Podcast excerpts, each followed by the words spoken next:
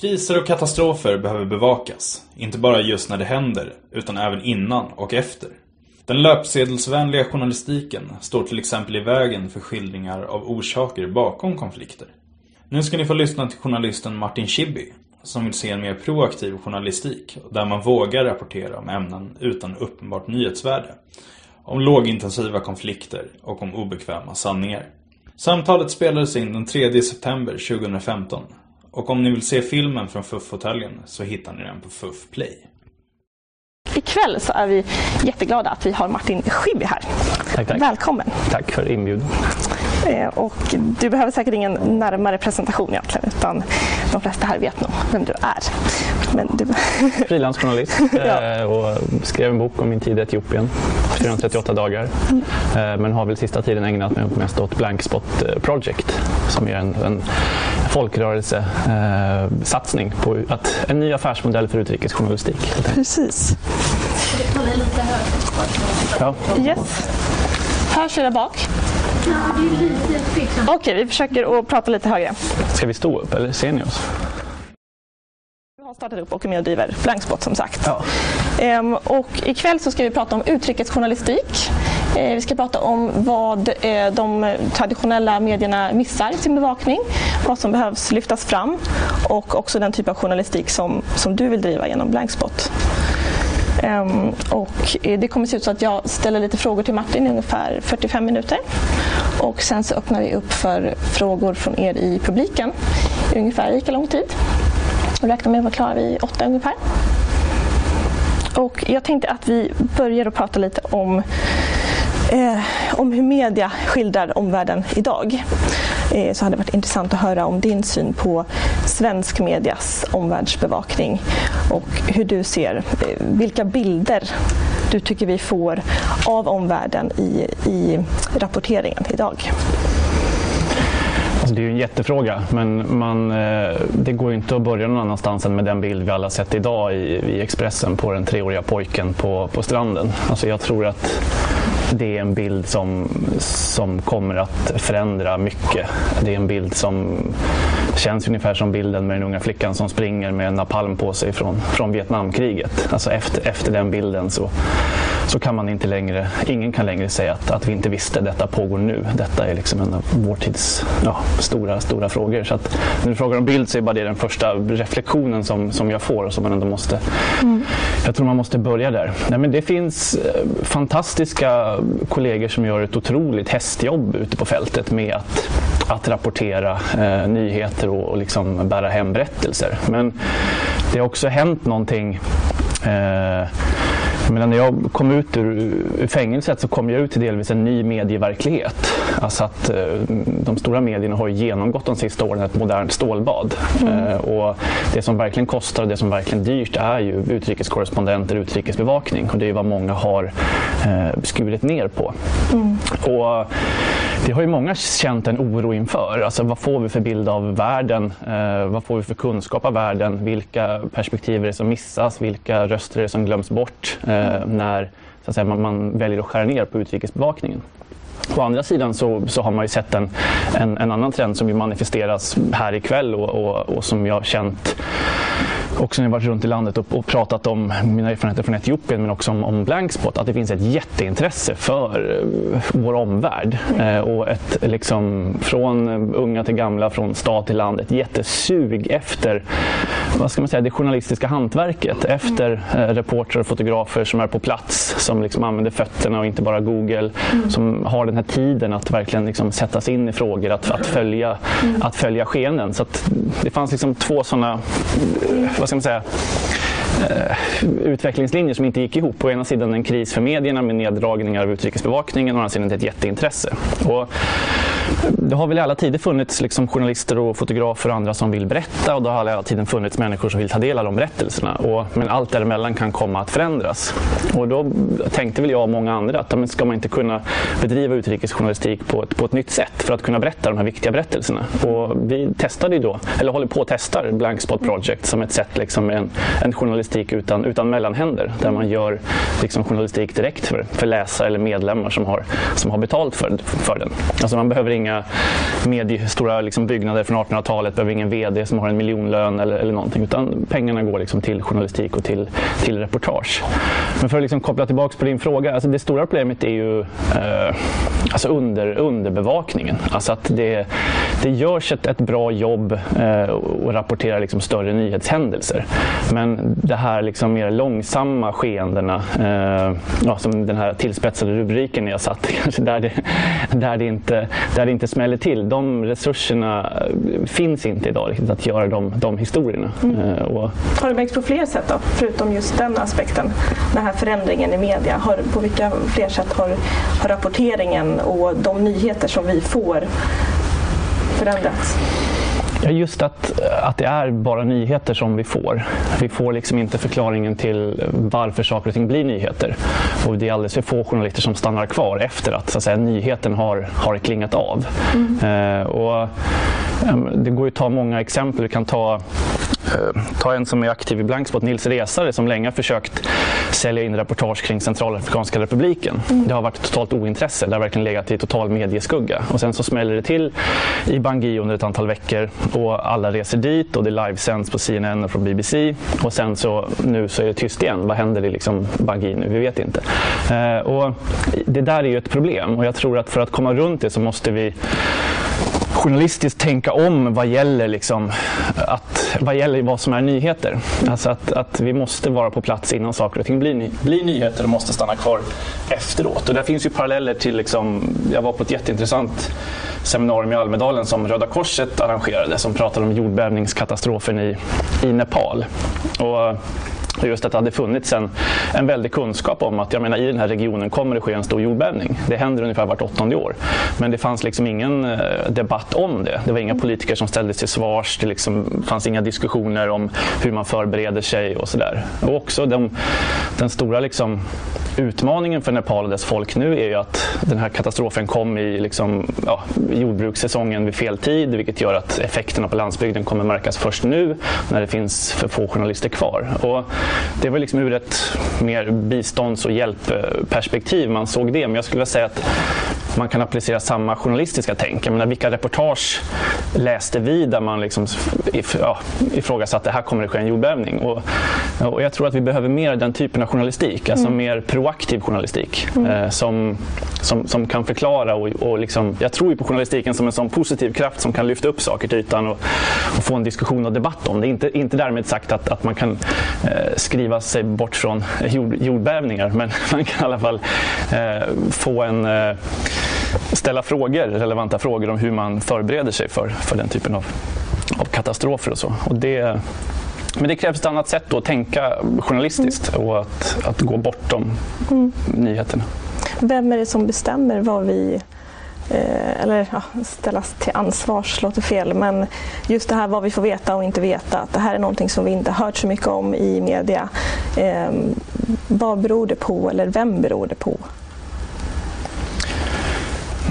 Ja, jag tror att, att hela den eh, eh, att den synen på journalistik, att, att vi journalister är några som på något sätt envägs ska, ska berätta någonting för, för andra, jag tror att den är förlegad. Jag tror att vi, man måste se att, att journalistrollen idag är en helt annan. Alltså av att man har läsare som i många fall kan mycket mer om det man skriver om. Och det måste man vara liksom ödmjuk inför och det måste man också ta med sig. Och med de digitala verktygen nu så är det ju möjligt att jobba så som journalist. Att säga nu som vi har jobbat i Blankspot nu så ska vi åka hit och granska det här.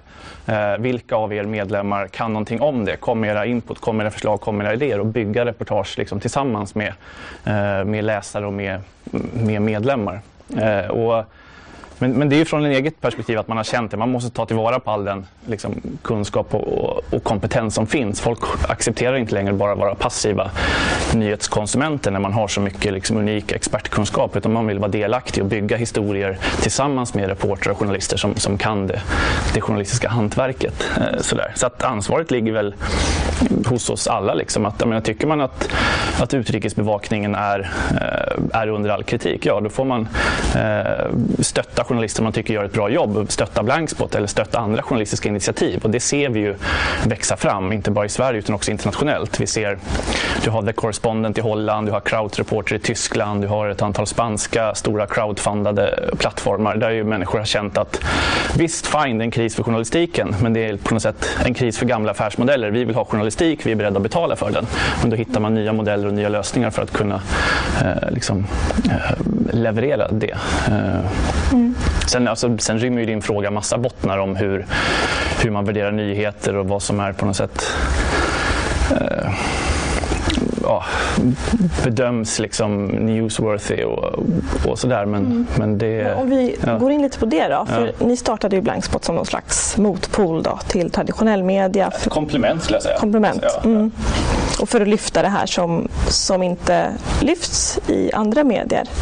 Eh, och om vi tittar på aktuella områden just nu mm. eh, och vad du tycker är viktigt kan du ge exempel på, på blank spots och vita fläckar i världen just nu som du tycker är viktiga att lyfta? Alltså när jag började den här blankspot-resan i huvudet så hade jag nog, om du hade frågat mig för ett, ett, ett, halvår sedan så hade jag nog sagt att blankspots är typ Ogaden-regionen i Etiopien eller blankspots är Eritrea eller liksom slutna eh, Syrien, alltså slutna liksom länder dit, dit journalister inte släpps in rent liksom geografiskt vita fläckar. Men Idag kan jag väl känna att det som, det som jag tycker är mer spännande och som har kommit i liksom kontakten med, med Blankspot-medlemmar det är mer att tänka liksom tematiskt kring Blankspots. Att Blankspots kanske ändå är att eh, rapportera om platser där andra också rapporterar om men att ställa andra frågor och att vara uthålligare eh, och att vara på plats, vara på plats längre. Alltså jag tror inte att det blev nästan lite så här om man ska liksom täcka världens vita fläckar, att man är någon typ av upptäcktsresande. Liksom. Att man ska liksom åka någonstans i någon djungel dit ingen annan journalist har varit och hitta någon att intervjua. Alltså att det är inte där det är inte där kritiken ligger mot medierna, att, inte liksom, eh, att, att de inte är där just på den platsen dit ingen annan kan ta sig. Utan att eh, jag skulle säga att det är mer tematiskt, mm. alltså att man, man söker. Men där är man ju Eh. men alla är ju sin på något sätt ekokammare och sin, sin bubbla. Det är där jag tror så mycket på den här medlemsrelationen. Alltså det finns ju massa det finns massa journalistprojekt eh, runt om i världen och även i Sverige. Men jag skulle säga att, att, att det vi försöker göra är att bygga någon typ av folkrörelse kring utrikesjournalistik. Vi har liksom meetups där vi bjuder in medlemmar och diskuterar med vilka typer av vilka är världens vita fläckar? Vad vill man se för reportage? Mm. och det är ju de diskussionerna som det här mer tematiska eh, tänket har eh, liksom kommit ja. hos mig på något sätt. Och om vi mm. tänker då på teman, mm. kommer du på några specifika teman som, som världen borde få veta mer om just nu? Som det inte syns så mycket om i medierna? Alltså, feminismen på Balkan är jättespännande. Det finns mycket som helst. Eh, det finns eh, alla men såna här eh, strukturella liksom, processer. Vad ska man säga? Minst, minskad mödradödlighet som är en väldigt liksom, positiv grej men som är ganska svårt att göra journalistik kring. Eh, alltså vattenfrågor, frågor kring sanitet, lite så här osexiga frågor som, som, liksom, som ändå berör och verkligen eh, alltså, berör människors liv, livsbetingelser på, mm. på ett helt annat sätt än det här liksom mer eh, våldsamma konflikterna. Det, alltså, sådana strukturella grejer känner man att där måste man liksom berätta och berätta på ett, på ett nytt sätt för att kunna göra den typen av, av berättelser lite ja, sexigare, man ska säga så. Och hur ja. tänker ni då om ni, ska de här, om ni ska rapportera om de här osexiga frågorna? Hur ska ni göra dem intressanta? Alltså jag har en förebild där och det är en National Geographic-journalist som heter Paul Solopek.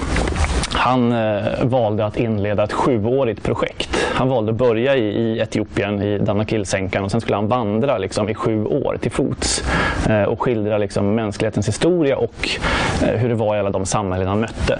Och det är så det totala liksom, antitesen mot den här uh, vad säger man, fallskärmsjournalistiken där du flygs in och du landar någonstans och direkt på flygplatsen ska du leverera de första liksom, analyserna och sen så ska du leverera varje timme tills du efter sju dagar flyger hem igen. Mm. Alltså att istället vandra liksom in i, i, länder och i samhällen och kulturer och, mm. uh, och få det perspektivet. Jag tycker Rapportering är helt eh, fantastisk, både i mikroformatet på, på Twitter men också i de längre, lite episka eh, berättelserna.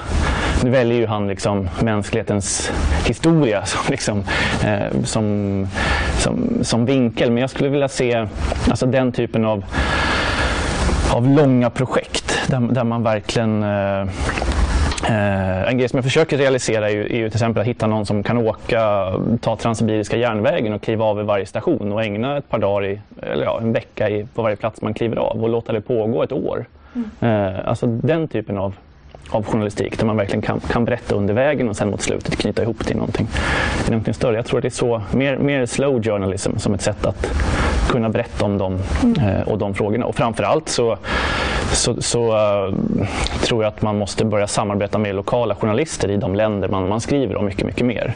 Och att jobba mer i team. Jag tror tiden är, är förbi där du kan åka som, som svensk korrespondent och landa någonstans utan kunskap om kultur och, och språk och, och, kunna leverera nyheter för att det kommer finnas lokaljournalister som, som skriver på engelska och som är, är liksom mil före dig vad gäller kunskap och, och, analys. Att man måste, ja, if you can't beat them, join them. Liksom. Du måste jobba ihop med, mm. eh, med lokala journalister mycket mer i, i den typen av projekt för att kunna eh, ja, leverera kvalitetsjournalistik. Så det ser jag som en, som en nyckel. Och där har vi också i, inom Blankspot ett, ett nätverk Eh, Eh, som heter Ion Corruption där vi jobbar med lokala grävjournalister i ett antal eh, länder och förhoppningsvis kommer presentera resultatet av, av, av det framöver. Men det tror jag är en, en nyckel också, att, att tänka bort eller tro att man själv ska kunna göra allting genom att ställa smarta frågor eller på något sätt. Eh, man, man behöver ses se alltså både de, de styrkor man har som utrikeskorrespondent, att du kan skriva om saker som lokala inte vågar och det är jätteviktigt för dem att kunna få texter som de kan citera ur och, och så vidare. För för något jag verkligen tror liksom kan göra skillnad i, menar, för, för, demokratiseringen är, är journalistik. Och jag tror att vi kommer få se det mer och mer att man i, i ja, biståndet ser vi det redan, men, men att man satsar liksom, som demokratiprojekt på lokala journalister. Att, att det är en, en nyckelfaktor på, må, på många sätt, både för bra journalistik och för de, för de länderna där, där det publiceras. Så det är ett sätt att arbeta helt enkelt, blankspots? Ja, en, man, måste, man måste tänka om liksom metodmässigt för att mm. nå ja, andra typer av texter. Mm. Om vi går in lite på hur ni jobbar mm. i Blankspot och kanske lite eventuella utmaningar också med den mm. typen av journalistik eh, som ni vill driva. Mm. Eh, så i det här arbetet med att lyfta fram dolda sanningar och det som inte andra medier rapporterar om mm. så det är inte som att världen har brist på eh, naturkatastrofer eller konflikter eller problem. Hur gör ni när ni väljer vad det är för specifika områden som ni vill lyfta fram och berätta om? Nej, det är en jättebra fråga och det blev ju väldigt konkret också när vi gick i mål liksom i kampanjen. Okej, okay, men vilka, vilka reportage ska vi, då, ska vi då välja? Vi har ju fastnat för, eh, vi sa att de här pengarna räcker till två reportage och vi har fastnat för Eh, för, för tre av alla de idéer som, som bollades runt. Eh, den första som vi fastnade för och drog igång i april granskning av, av Thailand. Alltså, Thailand är ju verkligen ingen vit fläck på så sätt. En halv miljon svenskar reser dit varje år. Eh, det finns korrespondenter stationerade i Bangkok.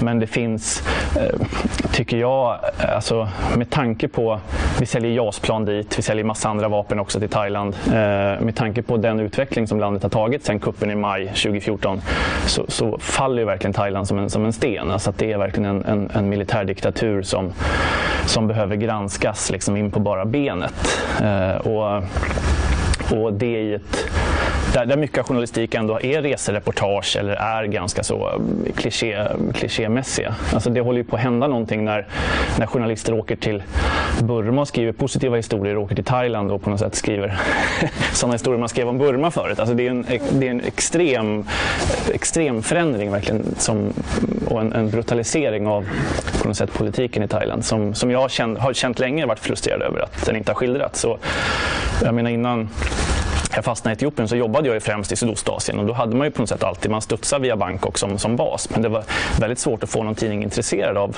något annat än Thailand än, än travel liksom, historier. Trots att det var verkligen där man kände så här, shit, det är ju hur spännande politisk scen som helst. Mm. Uh, så då valde vi liksom Thailand som ett. Så jag gjorde en resa i norra Thailand, i, i San och hängde med studenter som, som är med i en grupp som heter Daudin, som är en miljögrupp eh, framför allt, men som har eh, ja, protesterat mot militärjuntan genom att hålla upp tre fingrar. Och det har ju då ja, lett dem till fängelset och gjort att de har liksom hamnat i i frontlinjen i kampen mot militärdiktaturen där. Att de, är nästan, de studenterna är nästan några av de enda som, som vågar eh, faktiskt agera. Thailand var väldigt, väldigt tyst när jag var där nu och gjorde reportaget. Det var extrem skillnad. Folk var rädda för att tala. Och gamla personer man hade intervjuat hade liksom bytt nummer eller kastat sina mobiltelefoner i floden och folk hade bränt sina röda skjortor. Och det var verkligen alltså, svårt att, att hitta någon som, som vågade ge intervjuer men de här unga studenterna gjorde det. Och och det kändes också som viktigt att lyfta fram den typen av starka röster på något sätt i syd som, som vill förändring och som, och som betalar ett väldigt, väldigt högt pris för det. Mm. Så att jag hängde med studenter ett antal dagar i en stad som heter Konken. Eh, och ja, så blir det ett, ett reportage om det som jag tycker är en oberättad historia. Alltså det här är ju verkligen eh, fantastiska människor som dels kämpar mot skoluniformen och mot militärdiktaturen. liksom deras huvudkrav. Eh, och sen så har Nils Resa gjort en resa i södra Thailand, där ju ändå är Asiens blodigaste konflikt eh, som, eh, mellan då rebellrörelser och ja, den, den thailändska staten.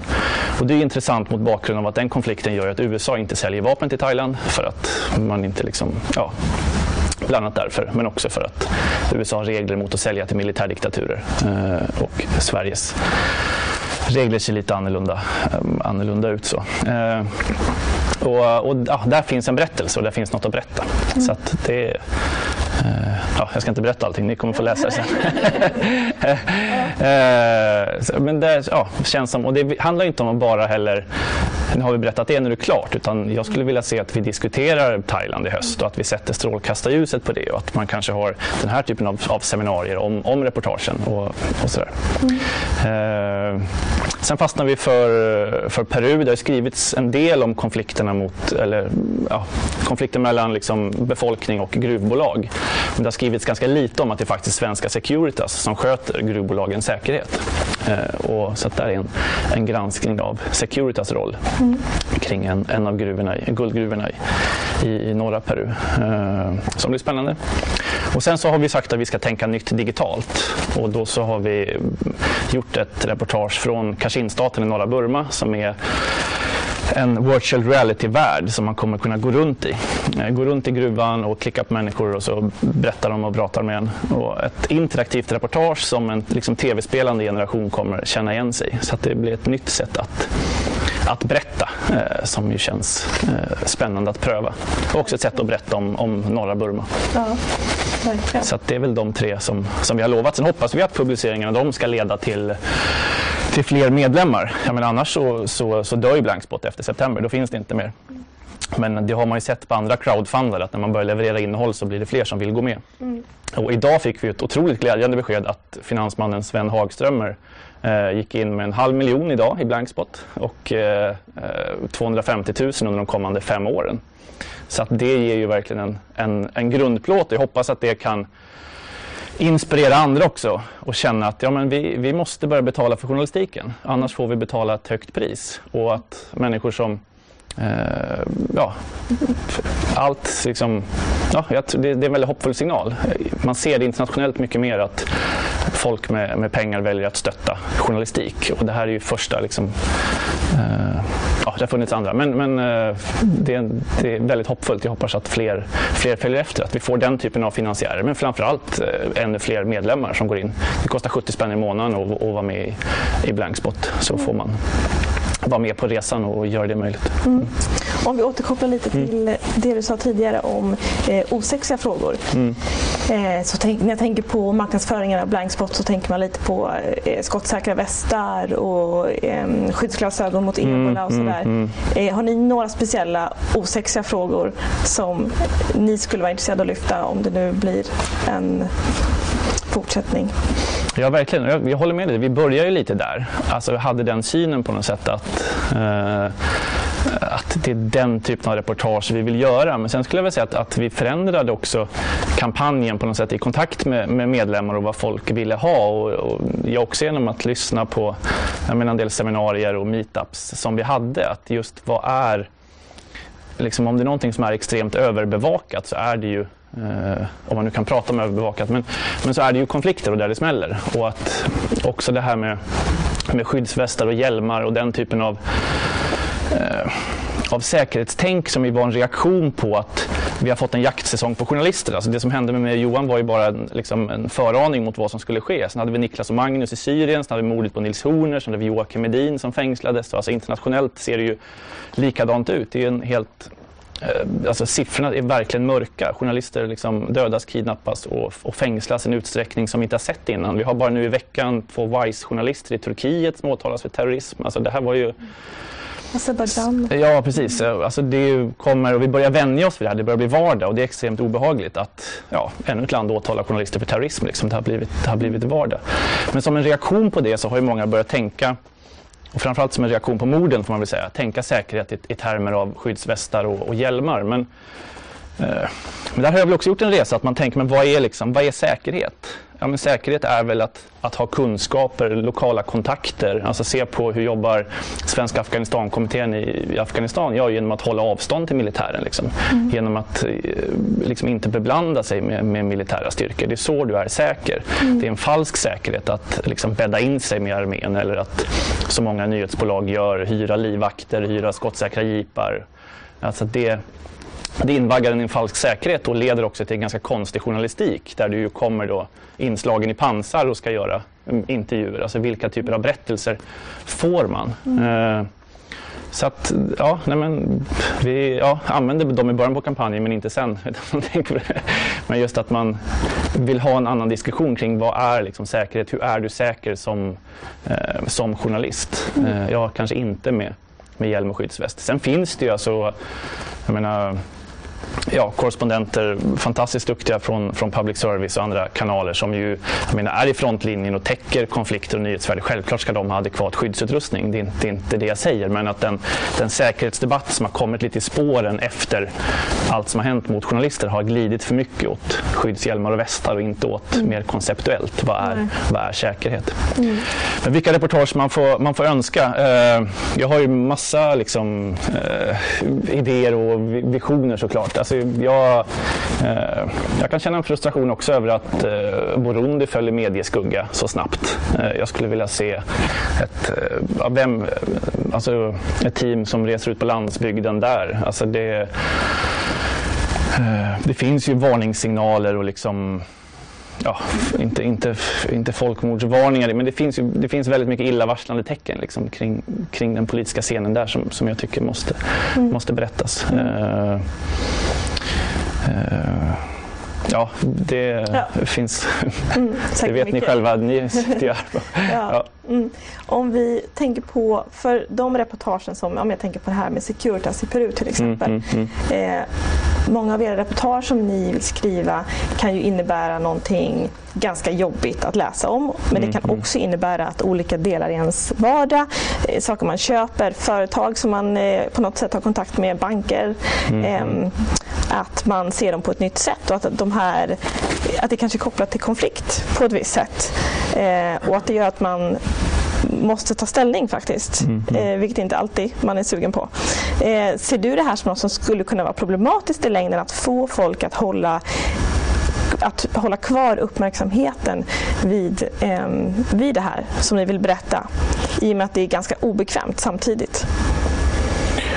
Jag tror liksom att, att uh det är väl ett journalistiskt grundfundament att på något sätt granska, granska makten och granska människor med pengar, granska, granska eh, svenska företag utomlands. Det är liksom vårt ansvar som, som journalister att, att göra det. Det ligger liksom i det, i det journalistiska uppdraget. Så. Eh, sen tror jag också att det är viktigt att inte falla för en enkel sån här eh, offer, förövare, journalistik. Liksom. Alltså, att det, det, är väldigt intressant, som ju kommer framkomma i reportaget också, varför köper Securitas det här lokala säkerhetsbolaget Forza som har en väldigt liksom, eh, bekymmersam historia vad gäller hur de har hanterat protester mot, mot gruvorna. Varför köper man ett sådant bolag när man har en liksom, CSR-policy och tänk kring mänskliga rättigheter och så? Vilka, vilka problem ser man med det? Alltså, det är ju den, det är den konstruktiva diskussionen och dialogen man, man vill ha. Liksom. Det, det handlar inte om att eh, var liksom, komma med en filmkamera och knacka på dörren. Utan man vill ju försöka förstå hur, jag menar, hur, eh, hur tänker de. Liksom. Mm. Och det, det, det, tror jag man, man tjänar på i journalistiken, att alltid liksom försöka förstå och intervjua och prata med även de som eh, blir liksom lätt så kallade bad guys. Liksom. Jag tror det är jätteviktigt att, eh, att prata med liksom, ja, alla, allt från, från terrorstämplade grupper till liksom nazister och fascister till människohandlare, mina mm. bordellägare. Eh, ja, all, liksom jag tror deras, deras röster är jätte, jätteviktiga i journalistiken. Att, att försöka förstå hur, eh, hur, de, hur, de, hur de resonerar. Så det, eh, och man hoppas på ett sånt, ett sånt samtal efter en sån här publicering, att de försöker Absolut. förstå hur de agerar. Mm. Eh, vi hade en terroristexpert hos oss i, eh, i våras mm. Mm.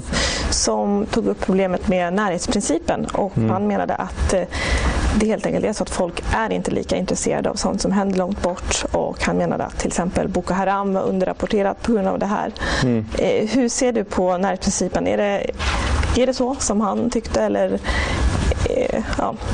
Nej, men det är väl en utmaning att, att journalistiskt eh, berätta om saker som ligger långt bort på ett, på ett nytt och intressant sätt. Mm. Alltså om vikt, viktiga frågor och, och, människor som, som man vill ge, ges en röst, det, det, det faller tillbaka på, på det journalistiska hantverket att, att lyckas förmedla den berättelsen på ett, eh, på ett intressant sätt med intressanta ingångar och, och ha en, en berättarteknik som på något sätt håller för det. Mm. Eh, men, men visst är det så, det finns ju i forskning och annat att vad man eh, Ja, man, man berörs någonstans av saker som, som, som finns närmare en. Men jag menar det, det gick kanske att resonera så förut. Men idag så börjar också gränserna mellan också vad som är inrikesnyheter och utrikesnyheter suddas ut. Mm. Alltså de två stora rebellrörelserna i Thailand, deras talespersoner sitter ju i Göteborg och i Stockholm. Mm. Alltså i, ja, i, i förorter. De, eh, de finns ju här. Ett, ett reportage om, om vapenförsäljning börjar ju också i Sverige och, eh, och slutar i Thailand och vice versa. Peru, Torilsplan, liksom en bit bort härifrån. Och,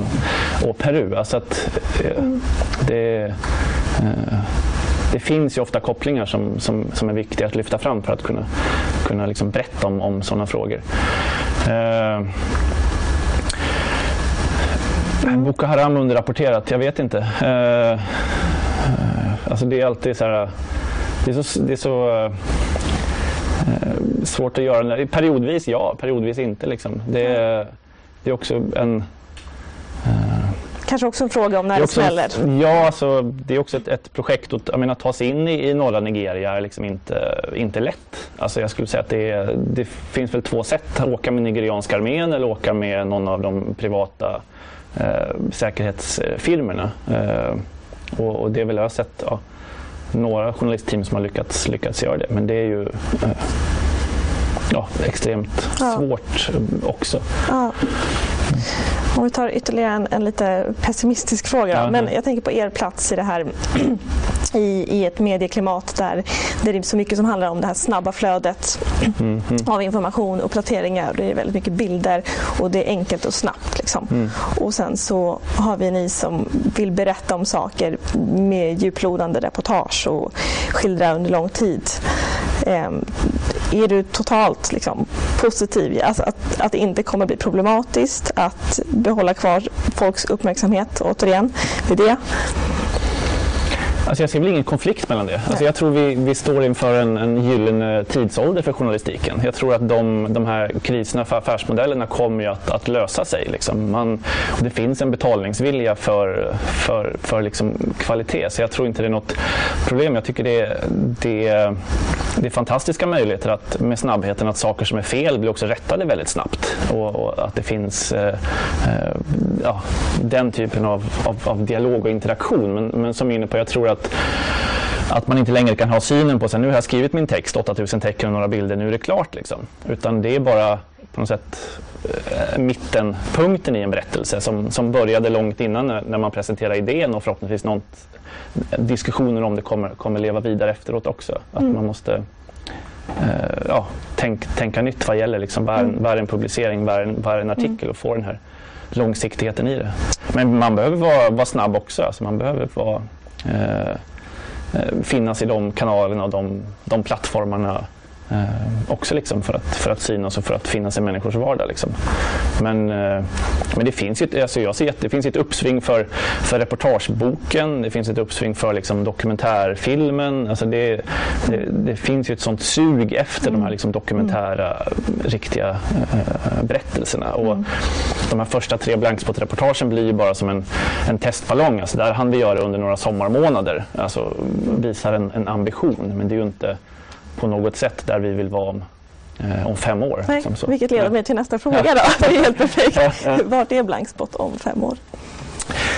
Eh, ja, det finns, eh, skulle jag säga, eh, jag hoppas att vi har egna korrespondenter eh, som, som täcker och utplacerade, kanske inte i, i Washington och New York utan det vore väl, eh, man skulle ha en blankspot-korrespondent i eh, i, i Burundi eh, till exempel. Eller, eller något sånt. Det, det hade varit att gå lite motvalls. Det hade varit spännande att, att kunna ha resurser och, eh, och göra det.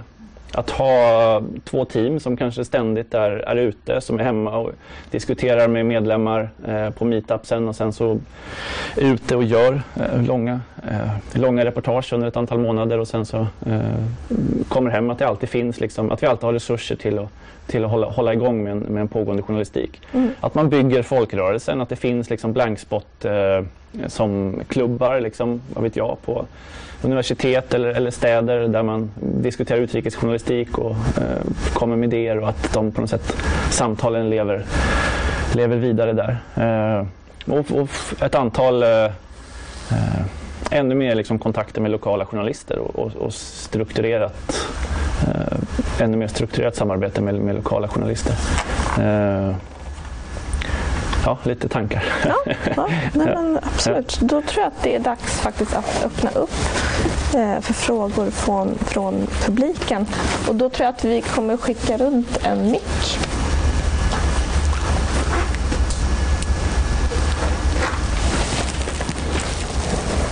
Maj-Lis Korvsten heter jag. Hörs det här? Nej? Det är Nej. Ja, det kommer, vi får prata högt. Jag får prata högt ändå. Mm. Eh, jo, jag bara undrar, du sa det här med, med det här stora bidraget från Hagström. Mm, mm. Hur känns det då att få ett sådant stort bidrag? Är det inte också lite bindande att det kanske blir köpt så?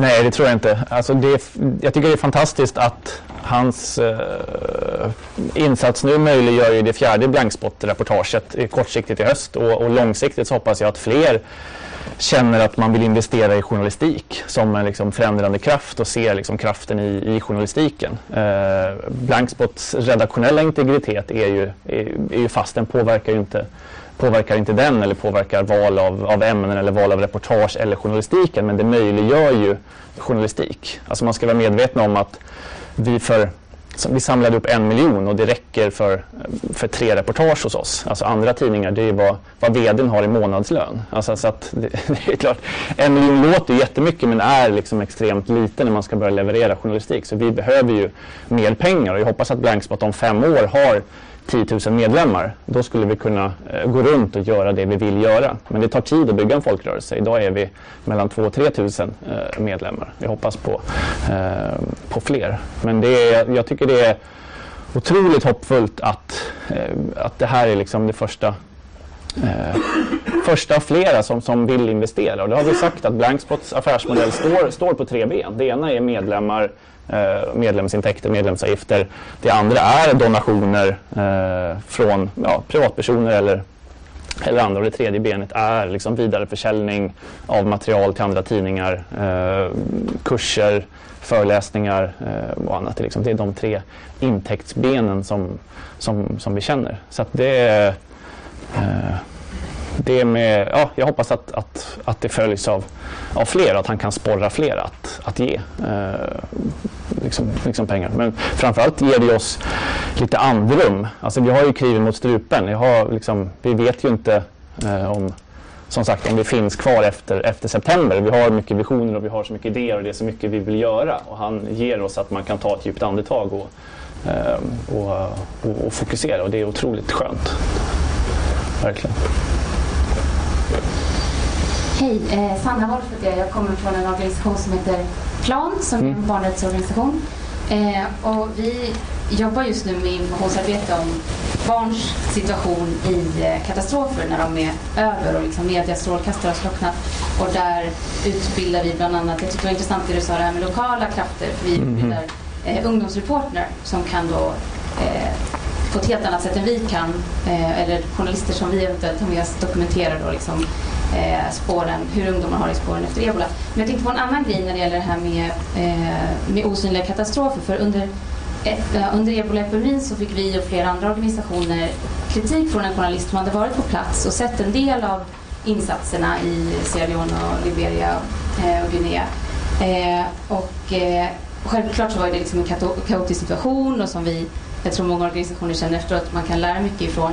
Men vi tror också, eller vi anade också att det kanske fanns en benägenhet hos journalister att eh, kanske hellre se, eller he- lättare se och kanske hellre rapportera från händelser som är mer dramatiska och liksom ofta då skedde in i ebolacenter där vi organisationen inte fanns. Vi jobbade ju mer liksom långsiktigt och hade mycket lokala krafter som jobbade, knackade dörr ut i byarna och sände radiosändningar för att liksom motverka stigman och få ut rätt information och ja, helt enkelt stoppa spridningen på det sättet. Men det var liksom inte lika tydligt kanske. Så jag undrar om du, om du tror att det ligger någonting i det att man som journalist också hellre eller lättare bedriver så kallad liksom pang-pang-journalistik. Ja men absolut för att det på något sätt var hur, hur, vår, hur medie, liksom, verkligheten ser, ser ut. Att det är när, det, när någonting blir stort i internationella, internationella tidningar, det är först då det går att sälja till också svenska tidningar. Alltså att det, eh, det finns en, en, en dramaturgi i det där som gör att man, som du säger, missar berättelserna liksom nu ja, kring ja, vad händer med Eh, följd, följdeffekter, följdsjukdomar och människor som har haft ebola, alla liksom, barn som har förlorat sina familjer och allting. Alltså det här som, som verkligen eh, påverkar, påverkar samhället. Men jag tror att man måste också tänka liksom nytt journalistiskt. Ja, men hur, hur, eh, hur berättar man de, de frågorna? Ja, det kanske inte är att försöka beskriva eh, liksom generell utvecklingen. Det kanske är att välja liksom ett, vad vet jag, ett barn och följa det barnet under ett eller två år. Alltså att man, man får tänka liksom mikro när, när det blir allt för, för, för svårbeskrivbart. Det handlar väl om val av journalistisk metod liksom för, att, för att kunna berätta en sån berättelse. Över tid när, när det inte har de här stora eh, där människor liksom dör rent bokstavligen på gatorna. Men ser du att det är många journalister som gör som ni i Blank- Blankspot, att alltså, har det intresset just? Eller är det fortfarande så att många journalister ändå gärna sätter på sig skyddsvästen och liksom... Alltså ser du en sån trend också, att, att journalister har en ökad medvetenhet eh, kring liksom de här mer lågintensiva och kanske mera, lite mer gömda frågorna? Ja, fast det, det blir omöjligt att, att som frilansare försöka åka till en, till en blankspot och försöka liksom, sälja det som ett, som ett reportage. För att nyhetsmedia kommer inte liksom, köpa in det förrän det, förrän det smäller där. Då, först då blir det liksom, eh, aktuellt. Så det är där problemet ligger, liksom, att man... Ja, ja problem, ja, precis. Att man måste ta, ha människor som vill, vill betala för den typen av historier innan saker och ting blir nyheter och, menar, och efteråt. Och därför, för att kunna skapa en sån ny journalistik så behöver man en, en, ja, en ny liksom, affärsmodell. Och där tror jag på medlemsfinansiering och liksom, folkrörelsegrejen för att kunna göra det möjligt. Men det är lite så här frågan vad som är hönan och ägget. Alltså, frilansarna är också, försöker överleva och blir på något sätt anpassa sig till den medieverklighet som, som finns. Så var det när jag frilansade från Sydostasien. Jag åkte man till Kambodja så skrev man om pedofiler för det var det som gick att sälja i Sverige från, från Kambodja. Eh, åkte du till, eh, Eh, till Thailand så fick du skriva om, om rese, resehistorier. Åkte du till Nepal så fick du skriva om, om Mount Everest. Alltså att det, det, det är ju tragiskt liksom att, eh, att, att, att, det ser ut så. Men det där lär man ju sig som frilansare vad som, vad som fungerar. Alltså, eh, jag hade ju själv en sån aha-upplevelse när jag var eh, gjorde en resa och skrev om, om människohandel. Jag skrev mycket om människohandel 2008-2009 i, i Sydostasien och var gjordes de historien, reportagen som man, ju liksom, som man alltid har gjort dem, och som man har sett dem göras av andra. Man åker till ett center för överlevare och man intervjuar en ung kvinna där och hon berättar sin fruktansvärda historia. Och man skriver ner den och vid ett tillfälle så intervjuar en kvinna som heter Gita som berättar att hon hade lurats bort från en bergsby och utnyttjats som, som släktslav på en bordell och sen lyckats fly och ta sig tillbaks. Och sen när hon hade berättat klart så tänkte jag ungefär att ja, det var det reportaget och slog upp anteckningsblocket och liksom stängde av bandspelaren. Och då så satte hon bara armbågarna i bordet och spände ögonen med mig och frågade så här, Why do you want to know this? Och man bara, vad är det här för objekt som tar befälet? Liksom. Det var så här, och, och medan jag försökte, liksom, det är väl bra att jag skriver om det här så samma sak som händer dig inte händer andra. Och hon bara skakar på huvudet och säger, jag har ju suttit där i sju år och blivit intervjuad av journalister. What will happen when your story is published? Och jag, jag tror aldrig jag, liksom, jag mådde så fruktansvärt dåligt liksom, och tänkte så här, men vad är det här? Vad är det jag håller på med? Liksom? Eh, har, har jag också blivit en del av den här industrin nu. och, och började känna att, tillsammans med fotografen efteråt, vi bara, vad gör vi liksom? Men vi får väl vi får liksom ta henne på orden, vi får göra någonting annat. Så vi, vi vandrade då i, i slavhandlarnas fotspår. Vi åkte till bordellen, vi pratade med bordellägarna, vi försökte intervjua människohandlarna och skildrade liksom branschen som bransch och såg ju då att det här är extremt lönsamt att handla och, och sälja människor. Liksom. Det är, profiterna är på liksom Google-nivå att investera i, i, i, den industrin i, i norra Indien, Nepal. Liksom. Att, och plötsligt så ser man ju att de här Gita och hennes medsystrar står upp mot krafter som är starkare än sexualiteten, står upp mot ett ekonomiskt vinstintresse mot en bransch. Och, och, och då blir ju kan jag säga, då blir journalistiken en annan när man liksom tog sig till förövarna och, och, och skildrade den där liksom hela bilden och tog sig tiden att att göra det. Så jag är extremt tacksam för att hon var så liksom, arg på mig där som satt och, satt och intervjuade henne. För det fick en att, att tänka om liksom, kring hur, hur berättar vi de här uh, ja, hur, hur gör vi journalistik liksom, kring, kring de här frågorna. Uh, men eh, Ja, det, nej, men du har ju helt rätt. Idag, liksom, Nepal, ja, jätteutmaningar. Vad, vad händer? Eller som du säger, eh, ebolan. Det, det känns lite som att man bara liksom, det blir ett, en plats i taget i ett medias strålkastarljus liksom dansar på, så dansar det sen vidare. Det blir liksom en dans som, som många spelar med i. Och förhoppningsvis kan det, kan det brytas genom att bara säga så här, nej, nu, nu tänker vi istället eh, tematiskt. Eller nu väljer vi att, att åka hit och, och stanna här och så hittar vi intressanta sätt att, att, att berätta om den här viktiga utvecklingen på. Eh, men det är en, det är en, det är en, en väldig utmaning. För själv liksom, rycks man också gärna med och tänker så här, men vi borde vi inte eh, göra någonting på, eh, på Isis? liksom, borde vi inte så här att man det, det, finns också journalistnerv i en som, som en nyhetstarm någonstans som, som man måste ja, på något sätt lära sig att, att jobba med. Eh, att, att tänka att ja, men det där sköter andra kollegor jättebra och så kan man känna sig lugn med det och så får man ägna sig åt det andra som vi ville berätta och ge de människorna röster. Men det är en, ja, man får sätta sig på händerna ibland. Um, Hej, Eva heter jag jobbar för Kvinna till kvinna. Så feminism på Balkan tyckte jag var en bra ja. spår som du pratade om. Men det var inte det.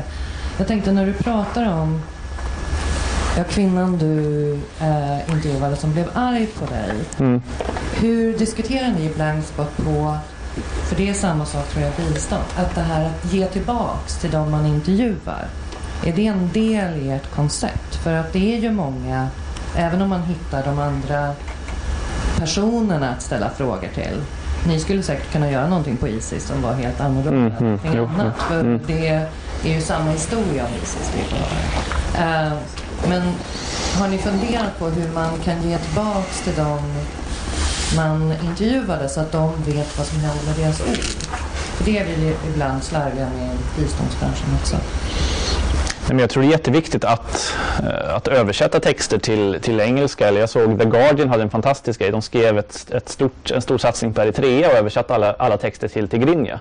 Alltså det är ju en, eh, verkligen att skriva liksom, inte bara om människor utan för människor. Eh, och det, alltså, det är en, en resurs och en kostnadsfråga men det, det, det, vill man ju verkligen. Jag tycker det är jätteviktigt att kunna återvända till människor. Framförallt om man tänker sig långsiktigt och säga här, det här skrev vi sist, så här blev det. Nu vill vi veta vad som har hänt. Eh, alltså att, och det är oavsett om det är liksom eh, drabbade eller om det är förövare. Att man ska kunna vara så transparent så att folk liksom, ja, kan, kan se sina, liksom, att de har fått, fått säga sina bästa argument liksom, i, den här, i, i den här texten. Absolut, det är ju, det är ju oerhört viktigt. Men också att ge Alltså man ger tillbaks på så sätt att man ser till att få största möjliga liksom, om någon tar en risk och pratar med en journalist så måste man ju förvalta den berättelsen och se till att den får största möjliga spridning. Eh, och att det finns ju någon typ av trygghet och säkerhet i offentligheten. Att har du fått ditt namn alltså, som samvetsfånge eller som, som vad som helst i, Eh, i tyckt, tryckt skrift så, så är det liksom svårare för dig att försvinna eller att eh, ja, drabbas av saker. Så det, det kan ge ett visst skydd. Så. Samtidigt så är ju eh, nu med liksom digitala arbetsmetoder och så källskyddet än viktigare än någonsin också för de som inte vill bli sedda. Och, och, och där är ju frågan idag, alltså vi har ju en Eh, om man tar andra sidan av det, vi har en debatt där alla säger så här att uppmanar alla att bli visselblåsare, ni måste träda fram, men, men vi har ju inte en möjlighet att som journalister faktiskt skydda de här visselblåsarna. Alltså tidigare så, så gjorde man ju journalistik och hade en, en källa i ett, i ett, garage någonstans som sa saker till en. Men det var inte så att man satte källan liksom främst. Nu har ju de här visselblåsarhistorierna blivit så att det här är en whistleblower, han säger det här.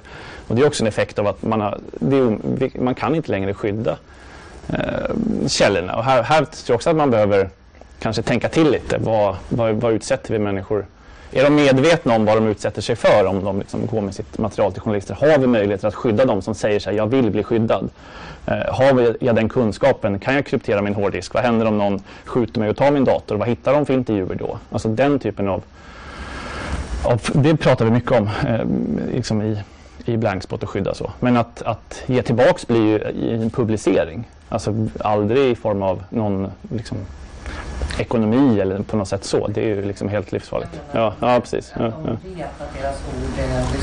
ja, och att man återkopplar. Man säger så här som jag sa till liksom, studenterna i Thailand att eh, liksom, ja, man, man håller kontakten verkligen. Och att, att, eh, det har ju också, de har ju åkt i fängelse en del av dem sen, sen jag åkte hem och andra har blivit fria. Så att, att man håller liv i liksom, mm, intervjun och sådär. Sen har vi ju fått via Bambuser har sponsrat oss med ett verktyg som vi ännu inte har använt fullt ut. Men deras livesändningsapp som är någonting man kan be människor som ja, är hotade att, att ladda ner på sin mobiltelefon som gör att om de hamnar i ett läge där de känner det här vill jag berätta kan de bara starta appen och trycka på, på sänd så laddas det upp till liksom Blankspot-servern. Det sparas ingen kopia i deras telefon, det finns inga spår av det i, i telefonen. Men det är liksom en teknik som är i princip framtagen för ja, arabiska våren situationer och annat men som ger möjligheter för människor att dela med sig av Eh, det de, det de ser och hör utan att de tar någon, någon risk där om de skulle bli beslagtagna. Så att den typen av, av, av verktyg måste vi också, som vi har fått tillgång till, börja, börja jobba med mer eh, för att hålla, hålla liv i berättelserna.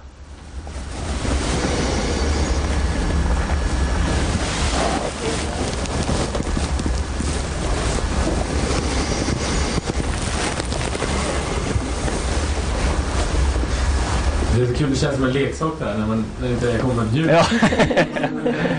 som vid ett stort dagis där. Eh, men eh, det jag var nyfiken på, jag tänkte på, för det känns som det finns ju en, eh, kanske en farhåga idag med medielandskap där också mycket rör sig kring sociala medier. Man känns som man bestämmer i ganska stor utsträckning den media man vill konsumera. Liksom, och följer, om jag är intresserad av utvecklingsfrågor, då följer jag FUF och Kvinna till kvinna och liksom Sida och så här. Um, finns det en sån risk med, um, med blankspot liksom att man ja, men jag gillar blankspot och jag, jag, vill, jag vill följa de här frågorna liksom. Men det där andra uh, det är inte jag så intresserad av. Finns det en risk för det? Eller kan liksom blankspot också täcka en bredare bild uh, och liksom så här Även sånt som jag kanske inte hade valt annars liksom, att följa. Eh, förstår du frågan? Ja, men nu har vi haft internet sedan 95. Alltså jag tror vi måste... Eh, vi måste ju liksom lära oss att hantera det. Liksom. Vi måste ju gilla fler sidor på Facebook än människor som vi håller med om för att kunna få en, en bredare liksom, omvärldsbevakning. Vi måste, det är ett ansvar man själv har kan jag känna. Vi måste... Eh, jag tänkte på det mycket under Almedalsveckan. Alltså vi måste ju gå på Eh, på seminarier som hålls av människor och organisationer vars värderingar vi själva inte delar. Alltså det är ju jätteviktigt att, att göra det. Eh, det var någon som hade gjort en spaning på Almedalen och sagt att de enda som gjorde det var eh, banker på något sätt. Jag vet inte om det var någon, ja, men någon sån här biståndsräv som har varit i Almedalen i alla år och för första gången så hade det suttit människor med kostym på, på bakre raden och, och liksom lyssnat på seminarier om Västsahara och om annat. Liksom. Och det säger någonting om att de här bankerna börjat känna att vi måste vara liksom etiska för att vår affärsmodell ska hålla framöver. Vi måste börja lyssna in liksom våra, våra kritiker och hur vi investerar våra pengar. Det är ju en jättespännande grej. Att, och, och det där ansvaret ligger väl hos en också att, att, att, att gilla, jag menar ja, gilla alla politiska partier på Facebook så får du all, all info. Liksom. Gilla, ja, nu heter det ju gilla på Facebook så det blir lite konstigt. Men att man, man själv tar ansvar för sin, liksom, sin omvärldsbevakning. Så, nej, Blankspot kommer, kommer inte kunna lösa, lösa det. Blankspot kommer vara vissa, vissa perspektiv. Men jag tror det är ett ansvar som...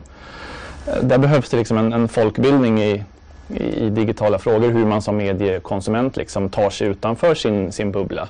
Eh, lära sig göra oviktade Google-sökningar etc. Liksom för att eh, ja, få andra typer av, av resultat än bara baserat på eh, sig, sig själv och sina vänner. Liksom. Eh, så det Alltså många, jag, jag skulle säga det är väl en fantastisk tid där du liksom i din telefon kan, kan eh, ha appar som, som, som långform och annat och få liksom den bästa långläsningen av allt från The New Yorker till liksom, eh, tyska och liksom, franska reportagemagasin. Alltså det, det har ju aldrig funnits, var så lätt att tillgodogöra sig liksom, kvalitetsjournalistik. Det är ju bara en un, underbar ja, un underbart. jag ser mer fördelar med än risker med det. Liksom. Vad, Vad heter den du tipsade om? Uh, uh, longform tycker jag är fantastiskt. Får alltså få lång, långläsning, ja, riktigt långa reportage. Uh, alltså det, uh, nej, men, ja, det är ett ansvar som, som faller tillbaka på en, sen, på en, på en själv, liksom, att, att söka flera. Uh, fler, fler, fler källor. Liksom. Uh, sen är det väl viktigt för, alltså i det uppskruvade läge som är det är kanske en annan, annan diskussion. Alltså, men, eh, jag tror också det är viktigt för som, som publicist att inte heller alltid allt på alltså, alla som twittrar är liksom inte makthavare. Alltså det kan finnas stormar i vattenglas som kanske kan få vara en storm i vattenglas. Som man kanske inte liksom behöver göra första sides löp på.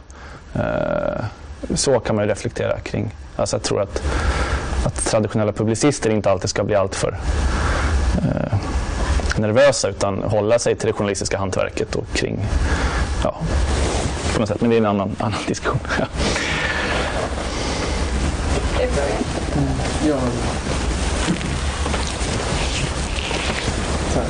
Ja, mm, ja, ja, det har lite med förra frågan att göra men jag tänkte, alltså för du tar upp det här med liksom att liksom, de gamla liksom, traditionella nyhetsmedierna, liksom, att de drar ner på sin alltså, utrikesbevakning, hur det påverkar journalistiken. Men jag tänker på att samtidigt som kanske människor inte till exempel prenumererar på de här stora dagstidningarna i, som förut så känns liksom fortfarande, alltså vi drunknar i liksom av alltså, ja, nya, liksom, nya kanaler. Det är liksom många byråer, eller de flesta byråerna har väl liksom sprider nyheter via Twitter. Jag tänker, ja, den här bilden på den här treåringen liksom, som mm. ligger på som låg på stranden där. Jag såg det för att någon, en av mina Facebook-vänner hade länkat till den bilden. Bara sådana saker. Mm. Eh, och jag tänker, alltså samtidigt som det kanske människor fortfarande liksom vill ha kvalitetsjournalistik. Att samtidigt som man liksom drunknar i det här alltså medieflödet så kanske man inte har tid på samma sätt. Att liksom jag personligen kanske skulle vilja läsa liksom ingående reportage som förklarar liksom, ja, en konflikt i mer i detalj men jag har inte den tiden. Det kanske blir liksom i söndagsbilagan att det där får plats. Mm. Eh, och jag tänker du, nämnde, du har nämnt några exempel på det, till exempel det här interaktiva på hemsidan om klickar sig fram olika reportage och den här ja, livesändningsappen. Alltså utöver alltså, att reformera själva liksom, utrikesbevakningen, alltså på vilka, sätt, vilka fler sätt tror du att man alltså, kan reformera alltså, själva formatet utav journalistiken? Det är jättespännande och det har ju varit, alltså vi har ju Trots att nätet har liksom funnits så länge så har ju publiceringarna på nätet sett ut som på papper. Det är 8000 tecken och ser ett antal bilder. Och det är ju ganska liksom, eh, fantastiskt att det konceptet liksom har, har hållit sig, att inte, att inte tidningar och medier har gjort mer av nätets möjligheter. Och framförallt nätets möjligheter till, liksom, till dialog och till interaktion och till, till att, att reportage kan leva vidare längre.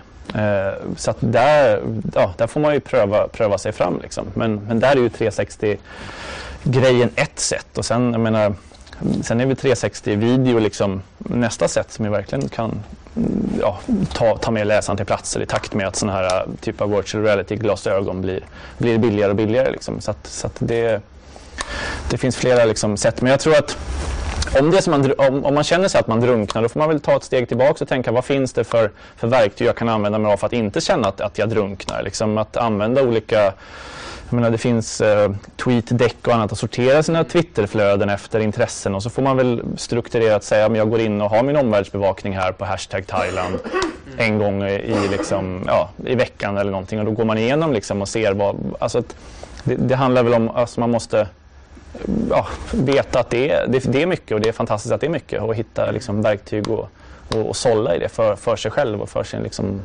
ja, sin, sin omvärldsbevakning. Så. Men, eh, men jag tror vi kommer få se mer av eh, att, att man börjar använda liksom, ja, mer innovationer vad gäller liksom sätten att, mm. sätten att, eh, att berätta. Sen är inte, alltså, det jag som tycker har varit eh, som roligast med, med Blankspot är att förutom att vi gick i mål, att vi också inspirerade andra att satsa på utrikesjournalistik. Och jag tycker man har sett det. Alltså vi har sett många satsningar hos mediehus där man väljer att lyfta fram sina korrar. Alltså det är också en situation där Sveriges Radio till exempel har ju ökat sitt korrenät eh, från i år jämfört med i fjol. Alltså det, det finns ju verkligen en en, eh, en, också andra trender liksom, som, som visar någonting annat och som ju är liksom, oerhört, oerhört eh, eh positivt. Och, mm, men, men i, i grunden så tror jag att man måste man måste liksom börja betala för sin journalistik. Eh, och man måste känna att okej, okay, det är det här. Om man känner att man bara får snuttifierad, ja men det är det här jag får om jag inte liksom betalar för min journalistik. Eh, och att det, det är ett ansvar man, man på något sätt måste känna att journalistik kostar. Och, och, och då, får man, eh, då får man betala. Om man stöttar Blankspot eller om man stöttar andra. Det, men, men jag tror att den, den insikten liksom måste, eh, måste komma.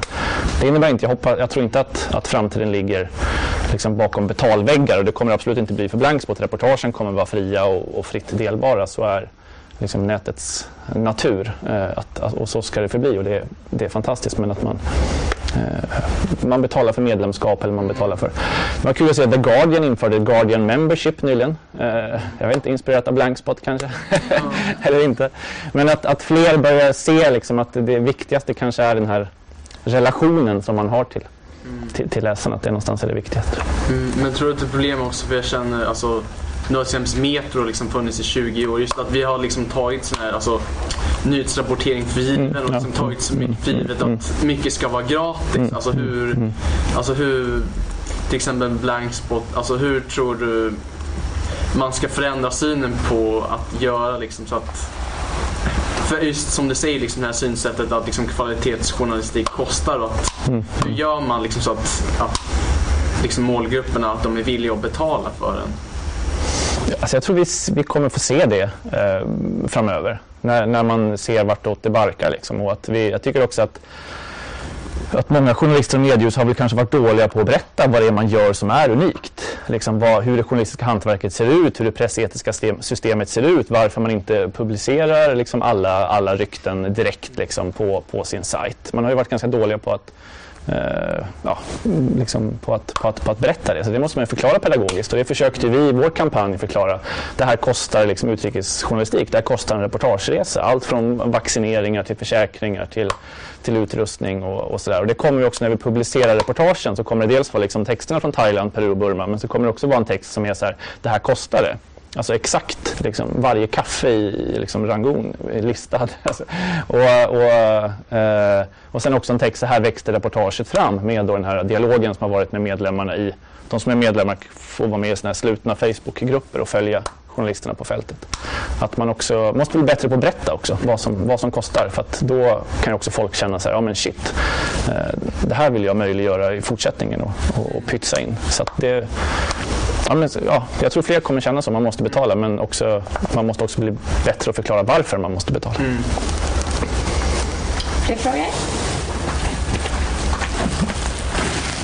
Ja, jag har två frågor, men det var precis lite inne på det. Ja. Vilket inflytande medlemmarna kan ha. Är de också med och ger förslag på ämnen och är de med i beslutsprocessen på något sätt?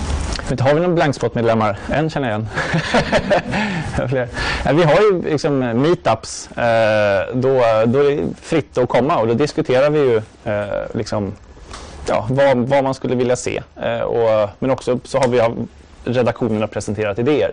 Det är ingen det är inte medlemsstyrt så att man röstar om reportage eller folk ska rösta nu, nu skickar vi liksom nu skickar vi Skibby till Ogaden igen här liksom. och så måste jag liksom bara, okej okay då, jag åker.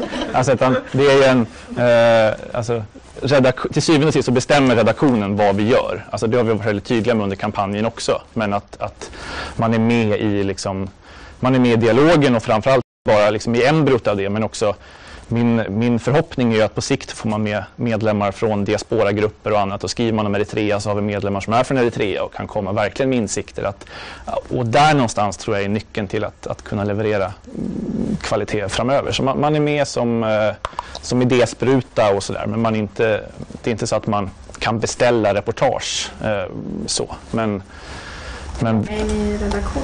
Eh, vi är två som har varsin halvtid. Eh, som jag och Nils Resare som, som liksom sköter det dagliga. Men sen de som har gjort reportagen har ju varit Karina Jemsby, Martin Edström i Burma och Emanuel Sidea i, i Peru. Uh, och sen så då Nils Resare och, och jag själv från, uh, från Thailand. Så, så, att de som har gjort reportagen har varit fler än, än, än, än redaktionen. Den andra mm. frågan gällde det här uh, med positiva berättelser eller nyheter. Som du nämnde där i början, mm. barnadödligheten hade minst. Ja, mödradödligheten, ja precis. Mm, mm.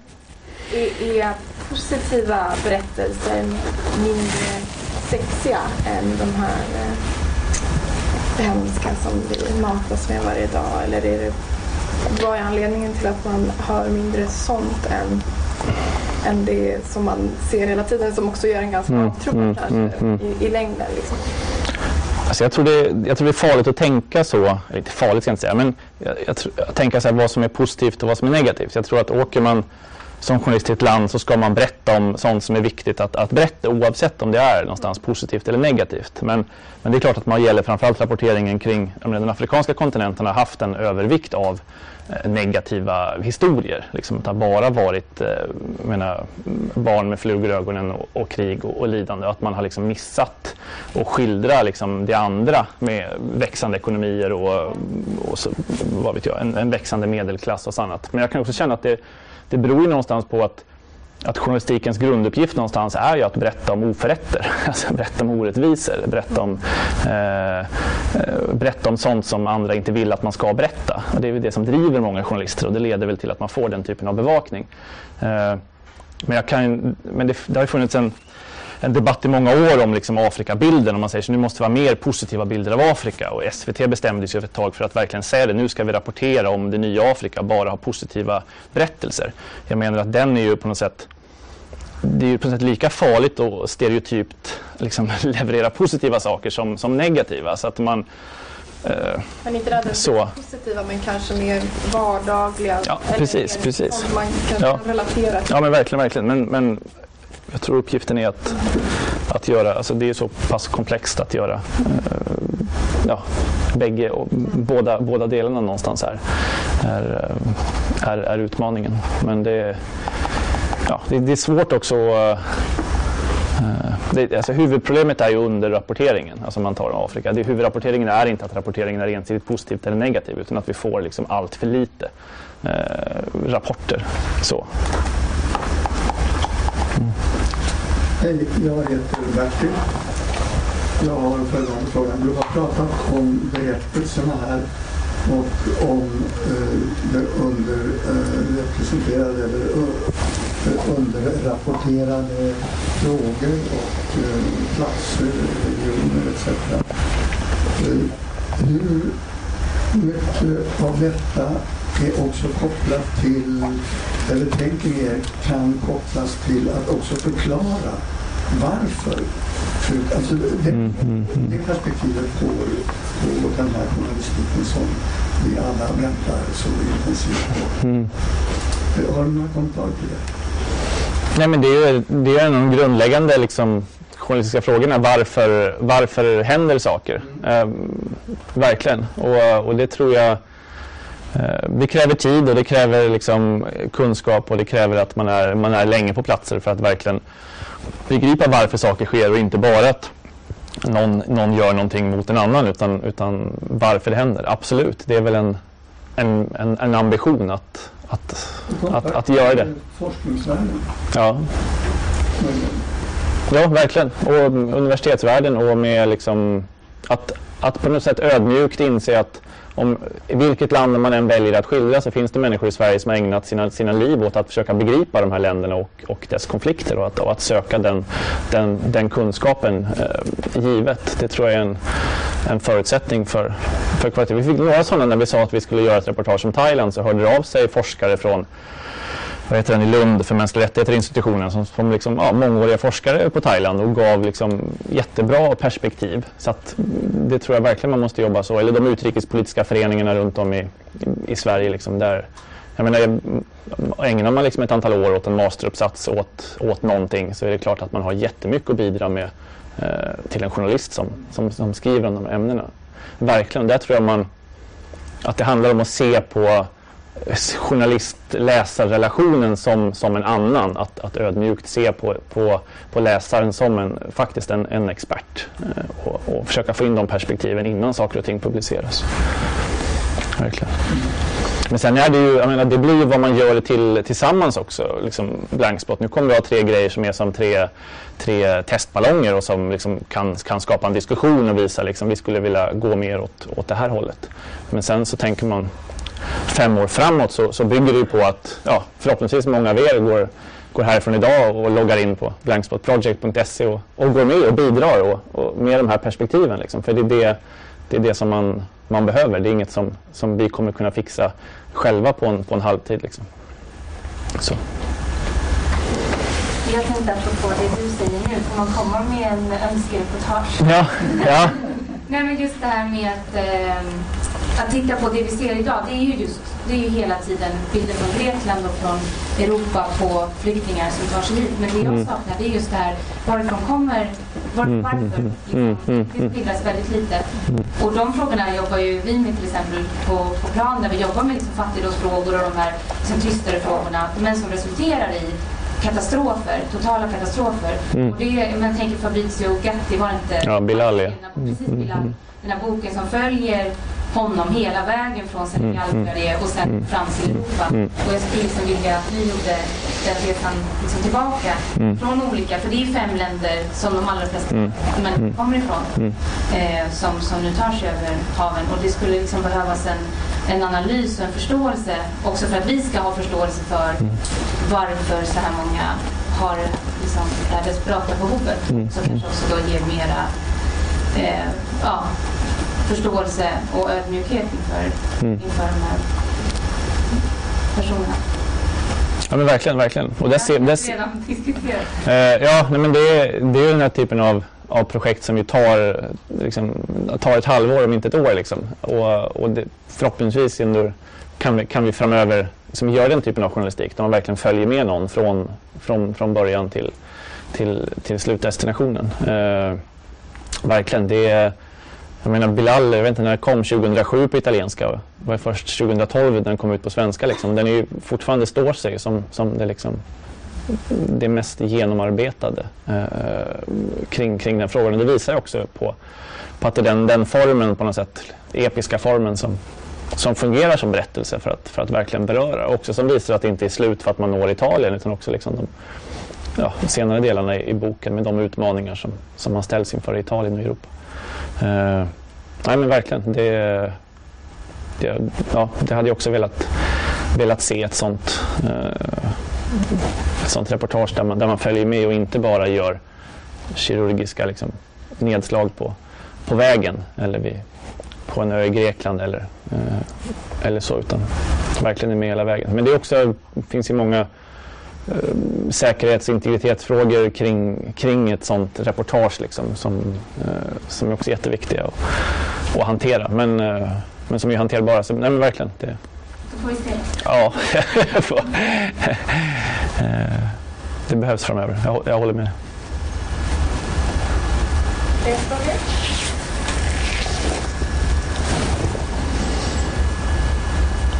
Nej. Då får vi nästan börja runda av Mm. i så fall. Ehm, Ja, så stort tack till alla som har kommit hit. Men framförallt stort tack till dig Martin. Stort tack till er som Tack för att du lyssnat på FUF-podden. FUF är en förening som sprider information och skapar debatt om globala utvecklingsfrågor. Mer information om vår verksamhet hittar ni på www.fuf.se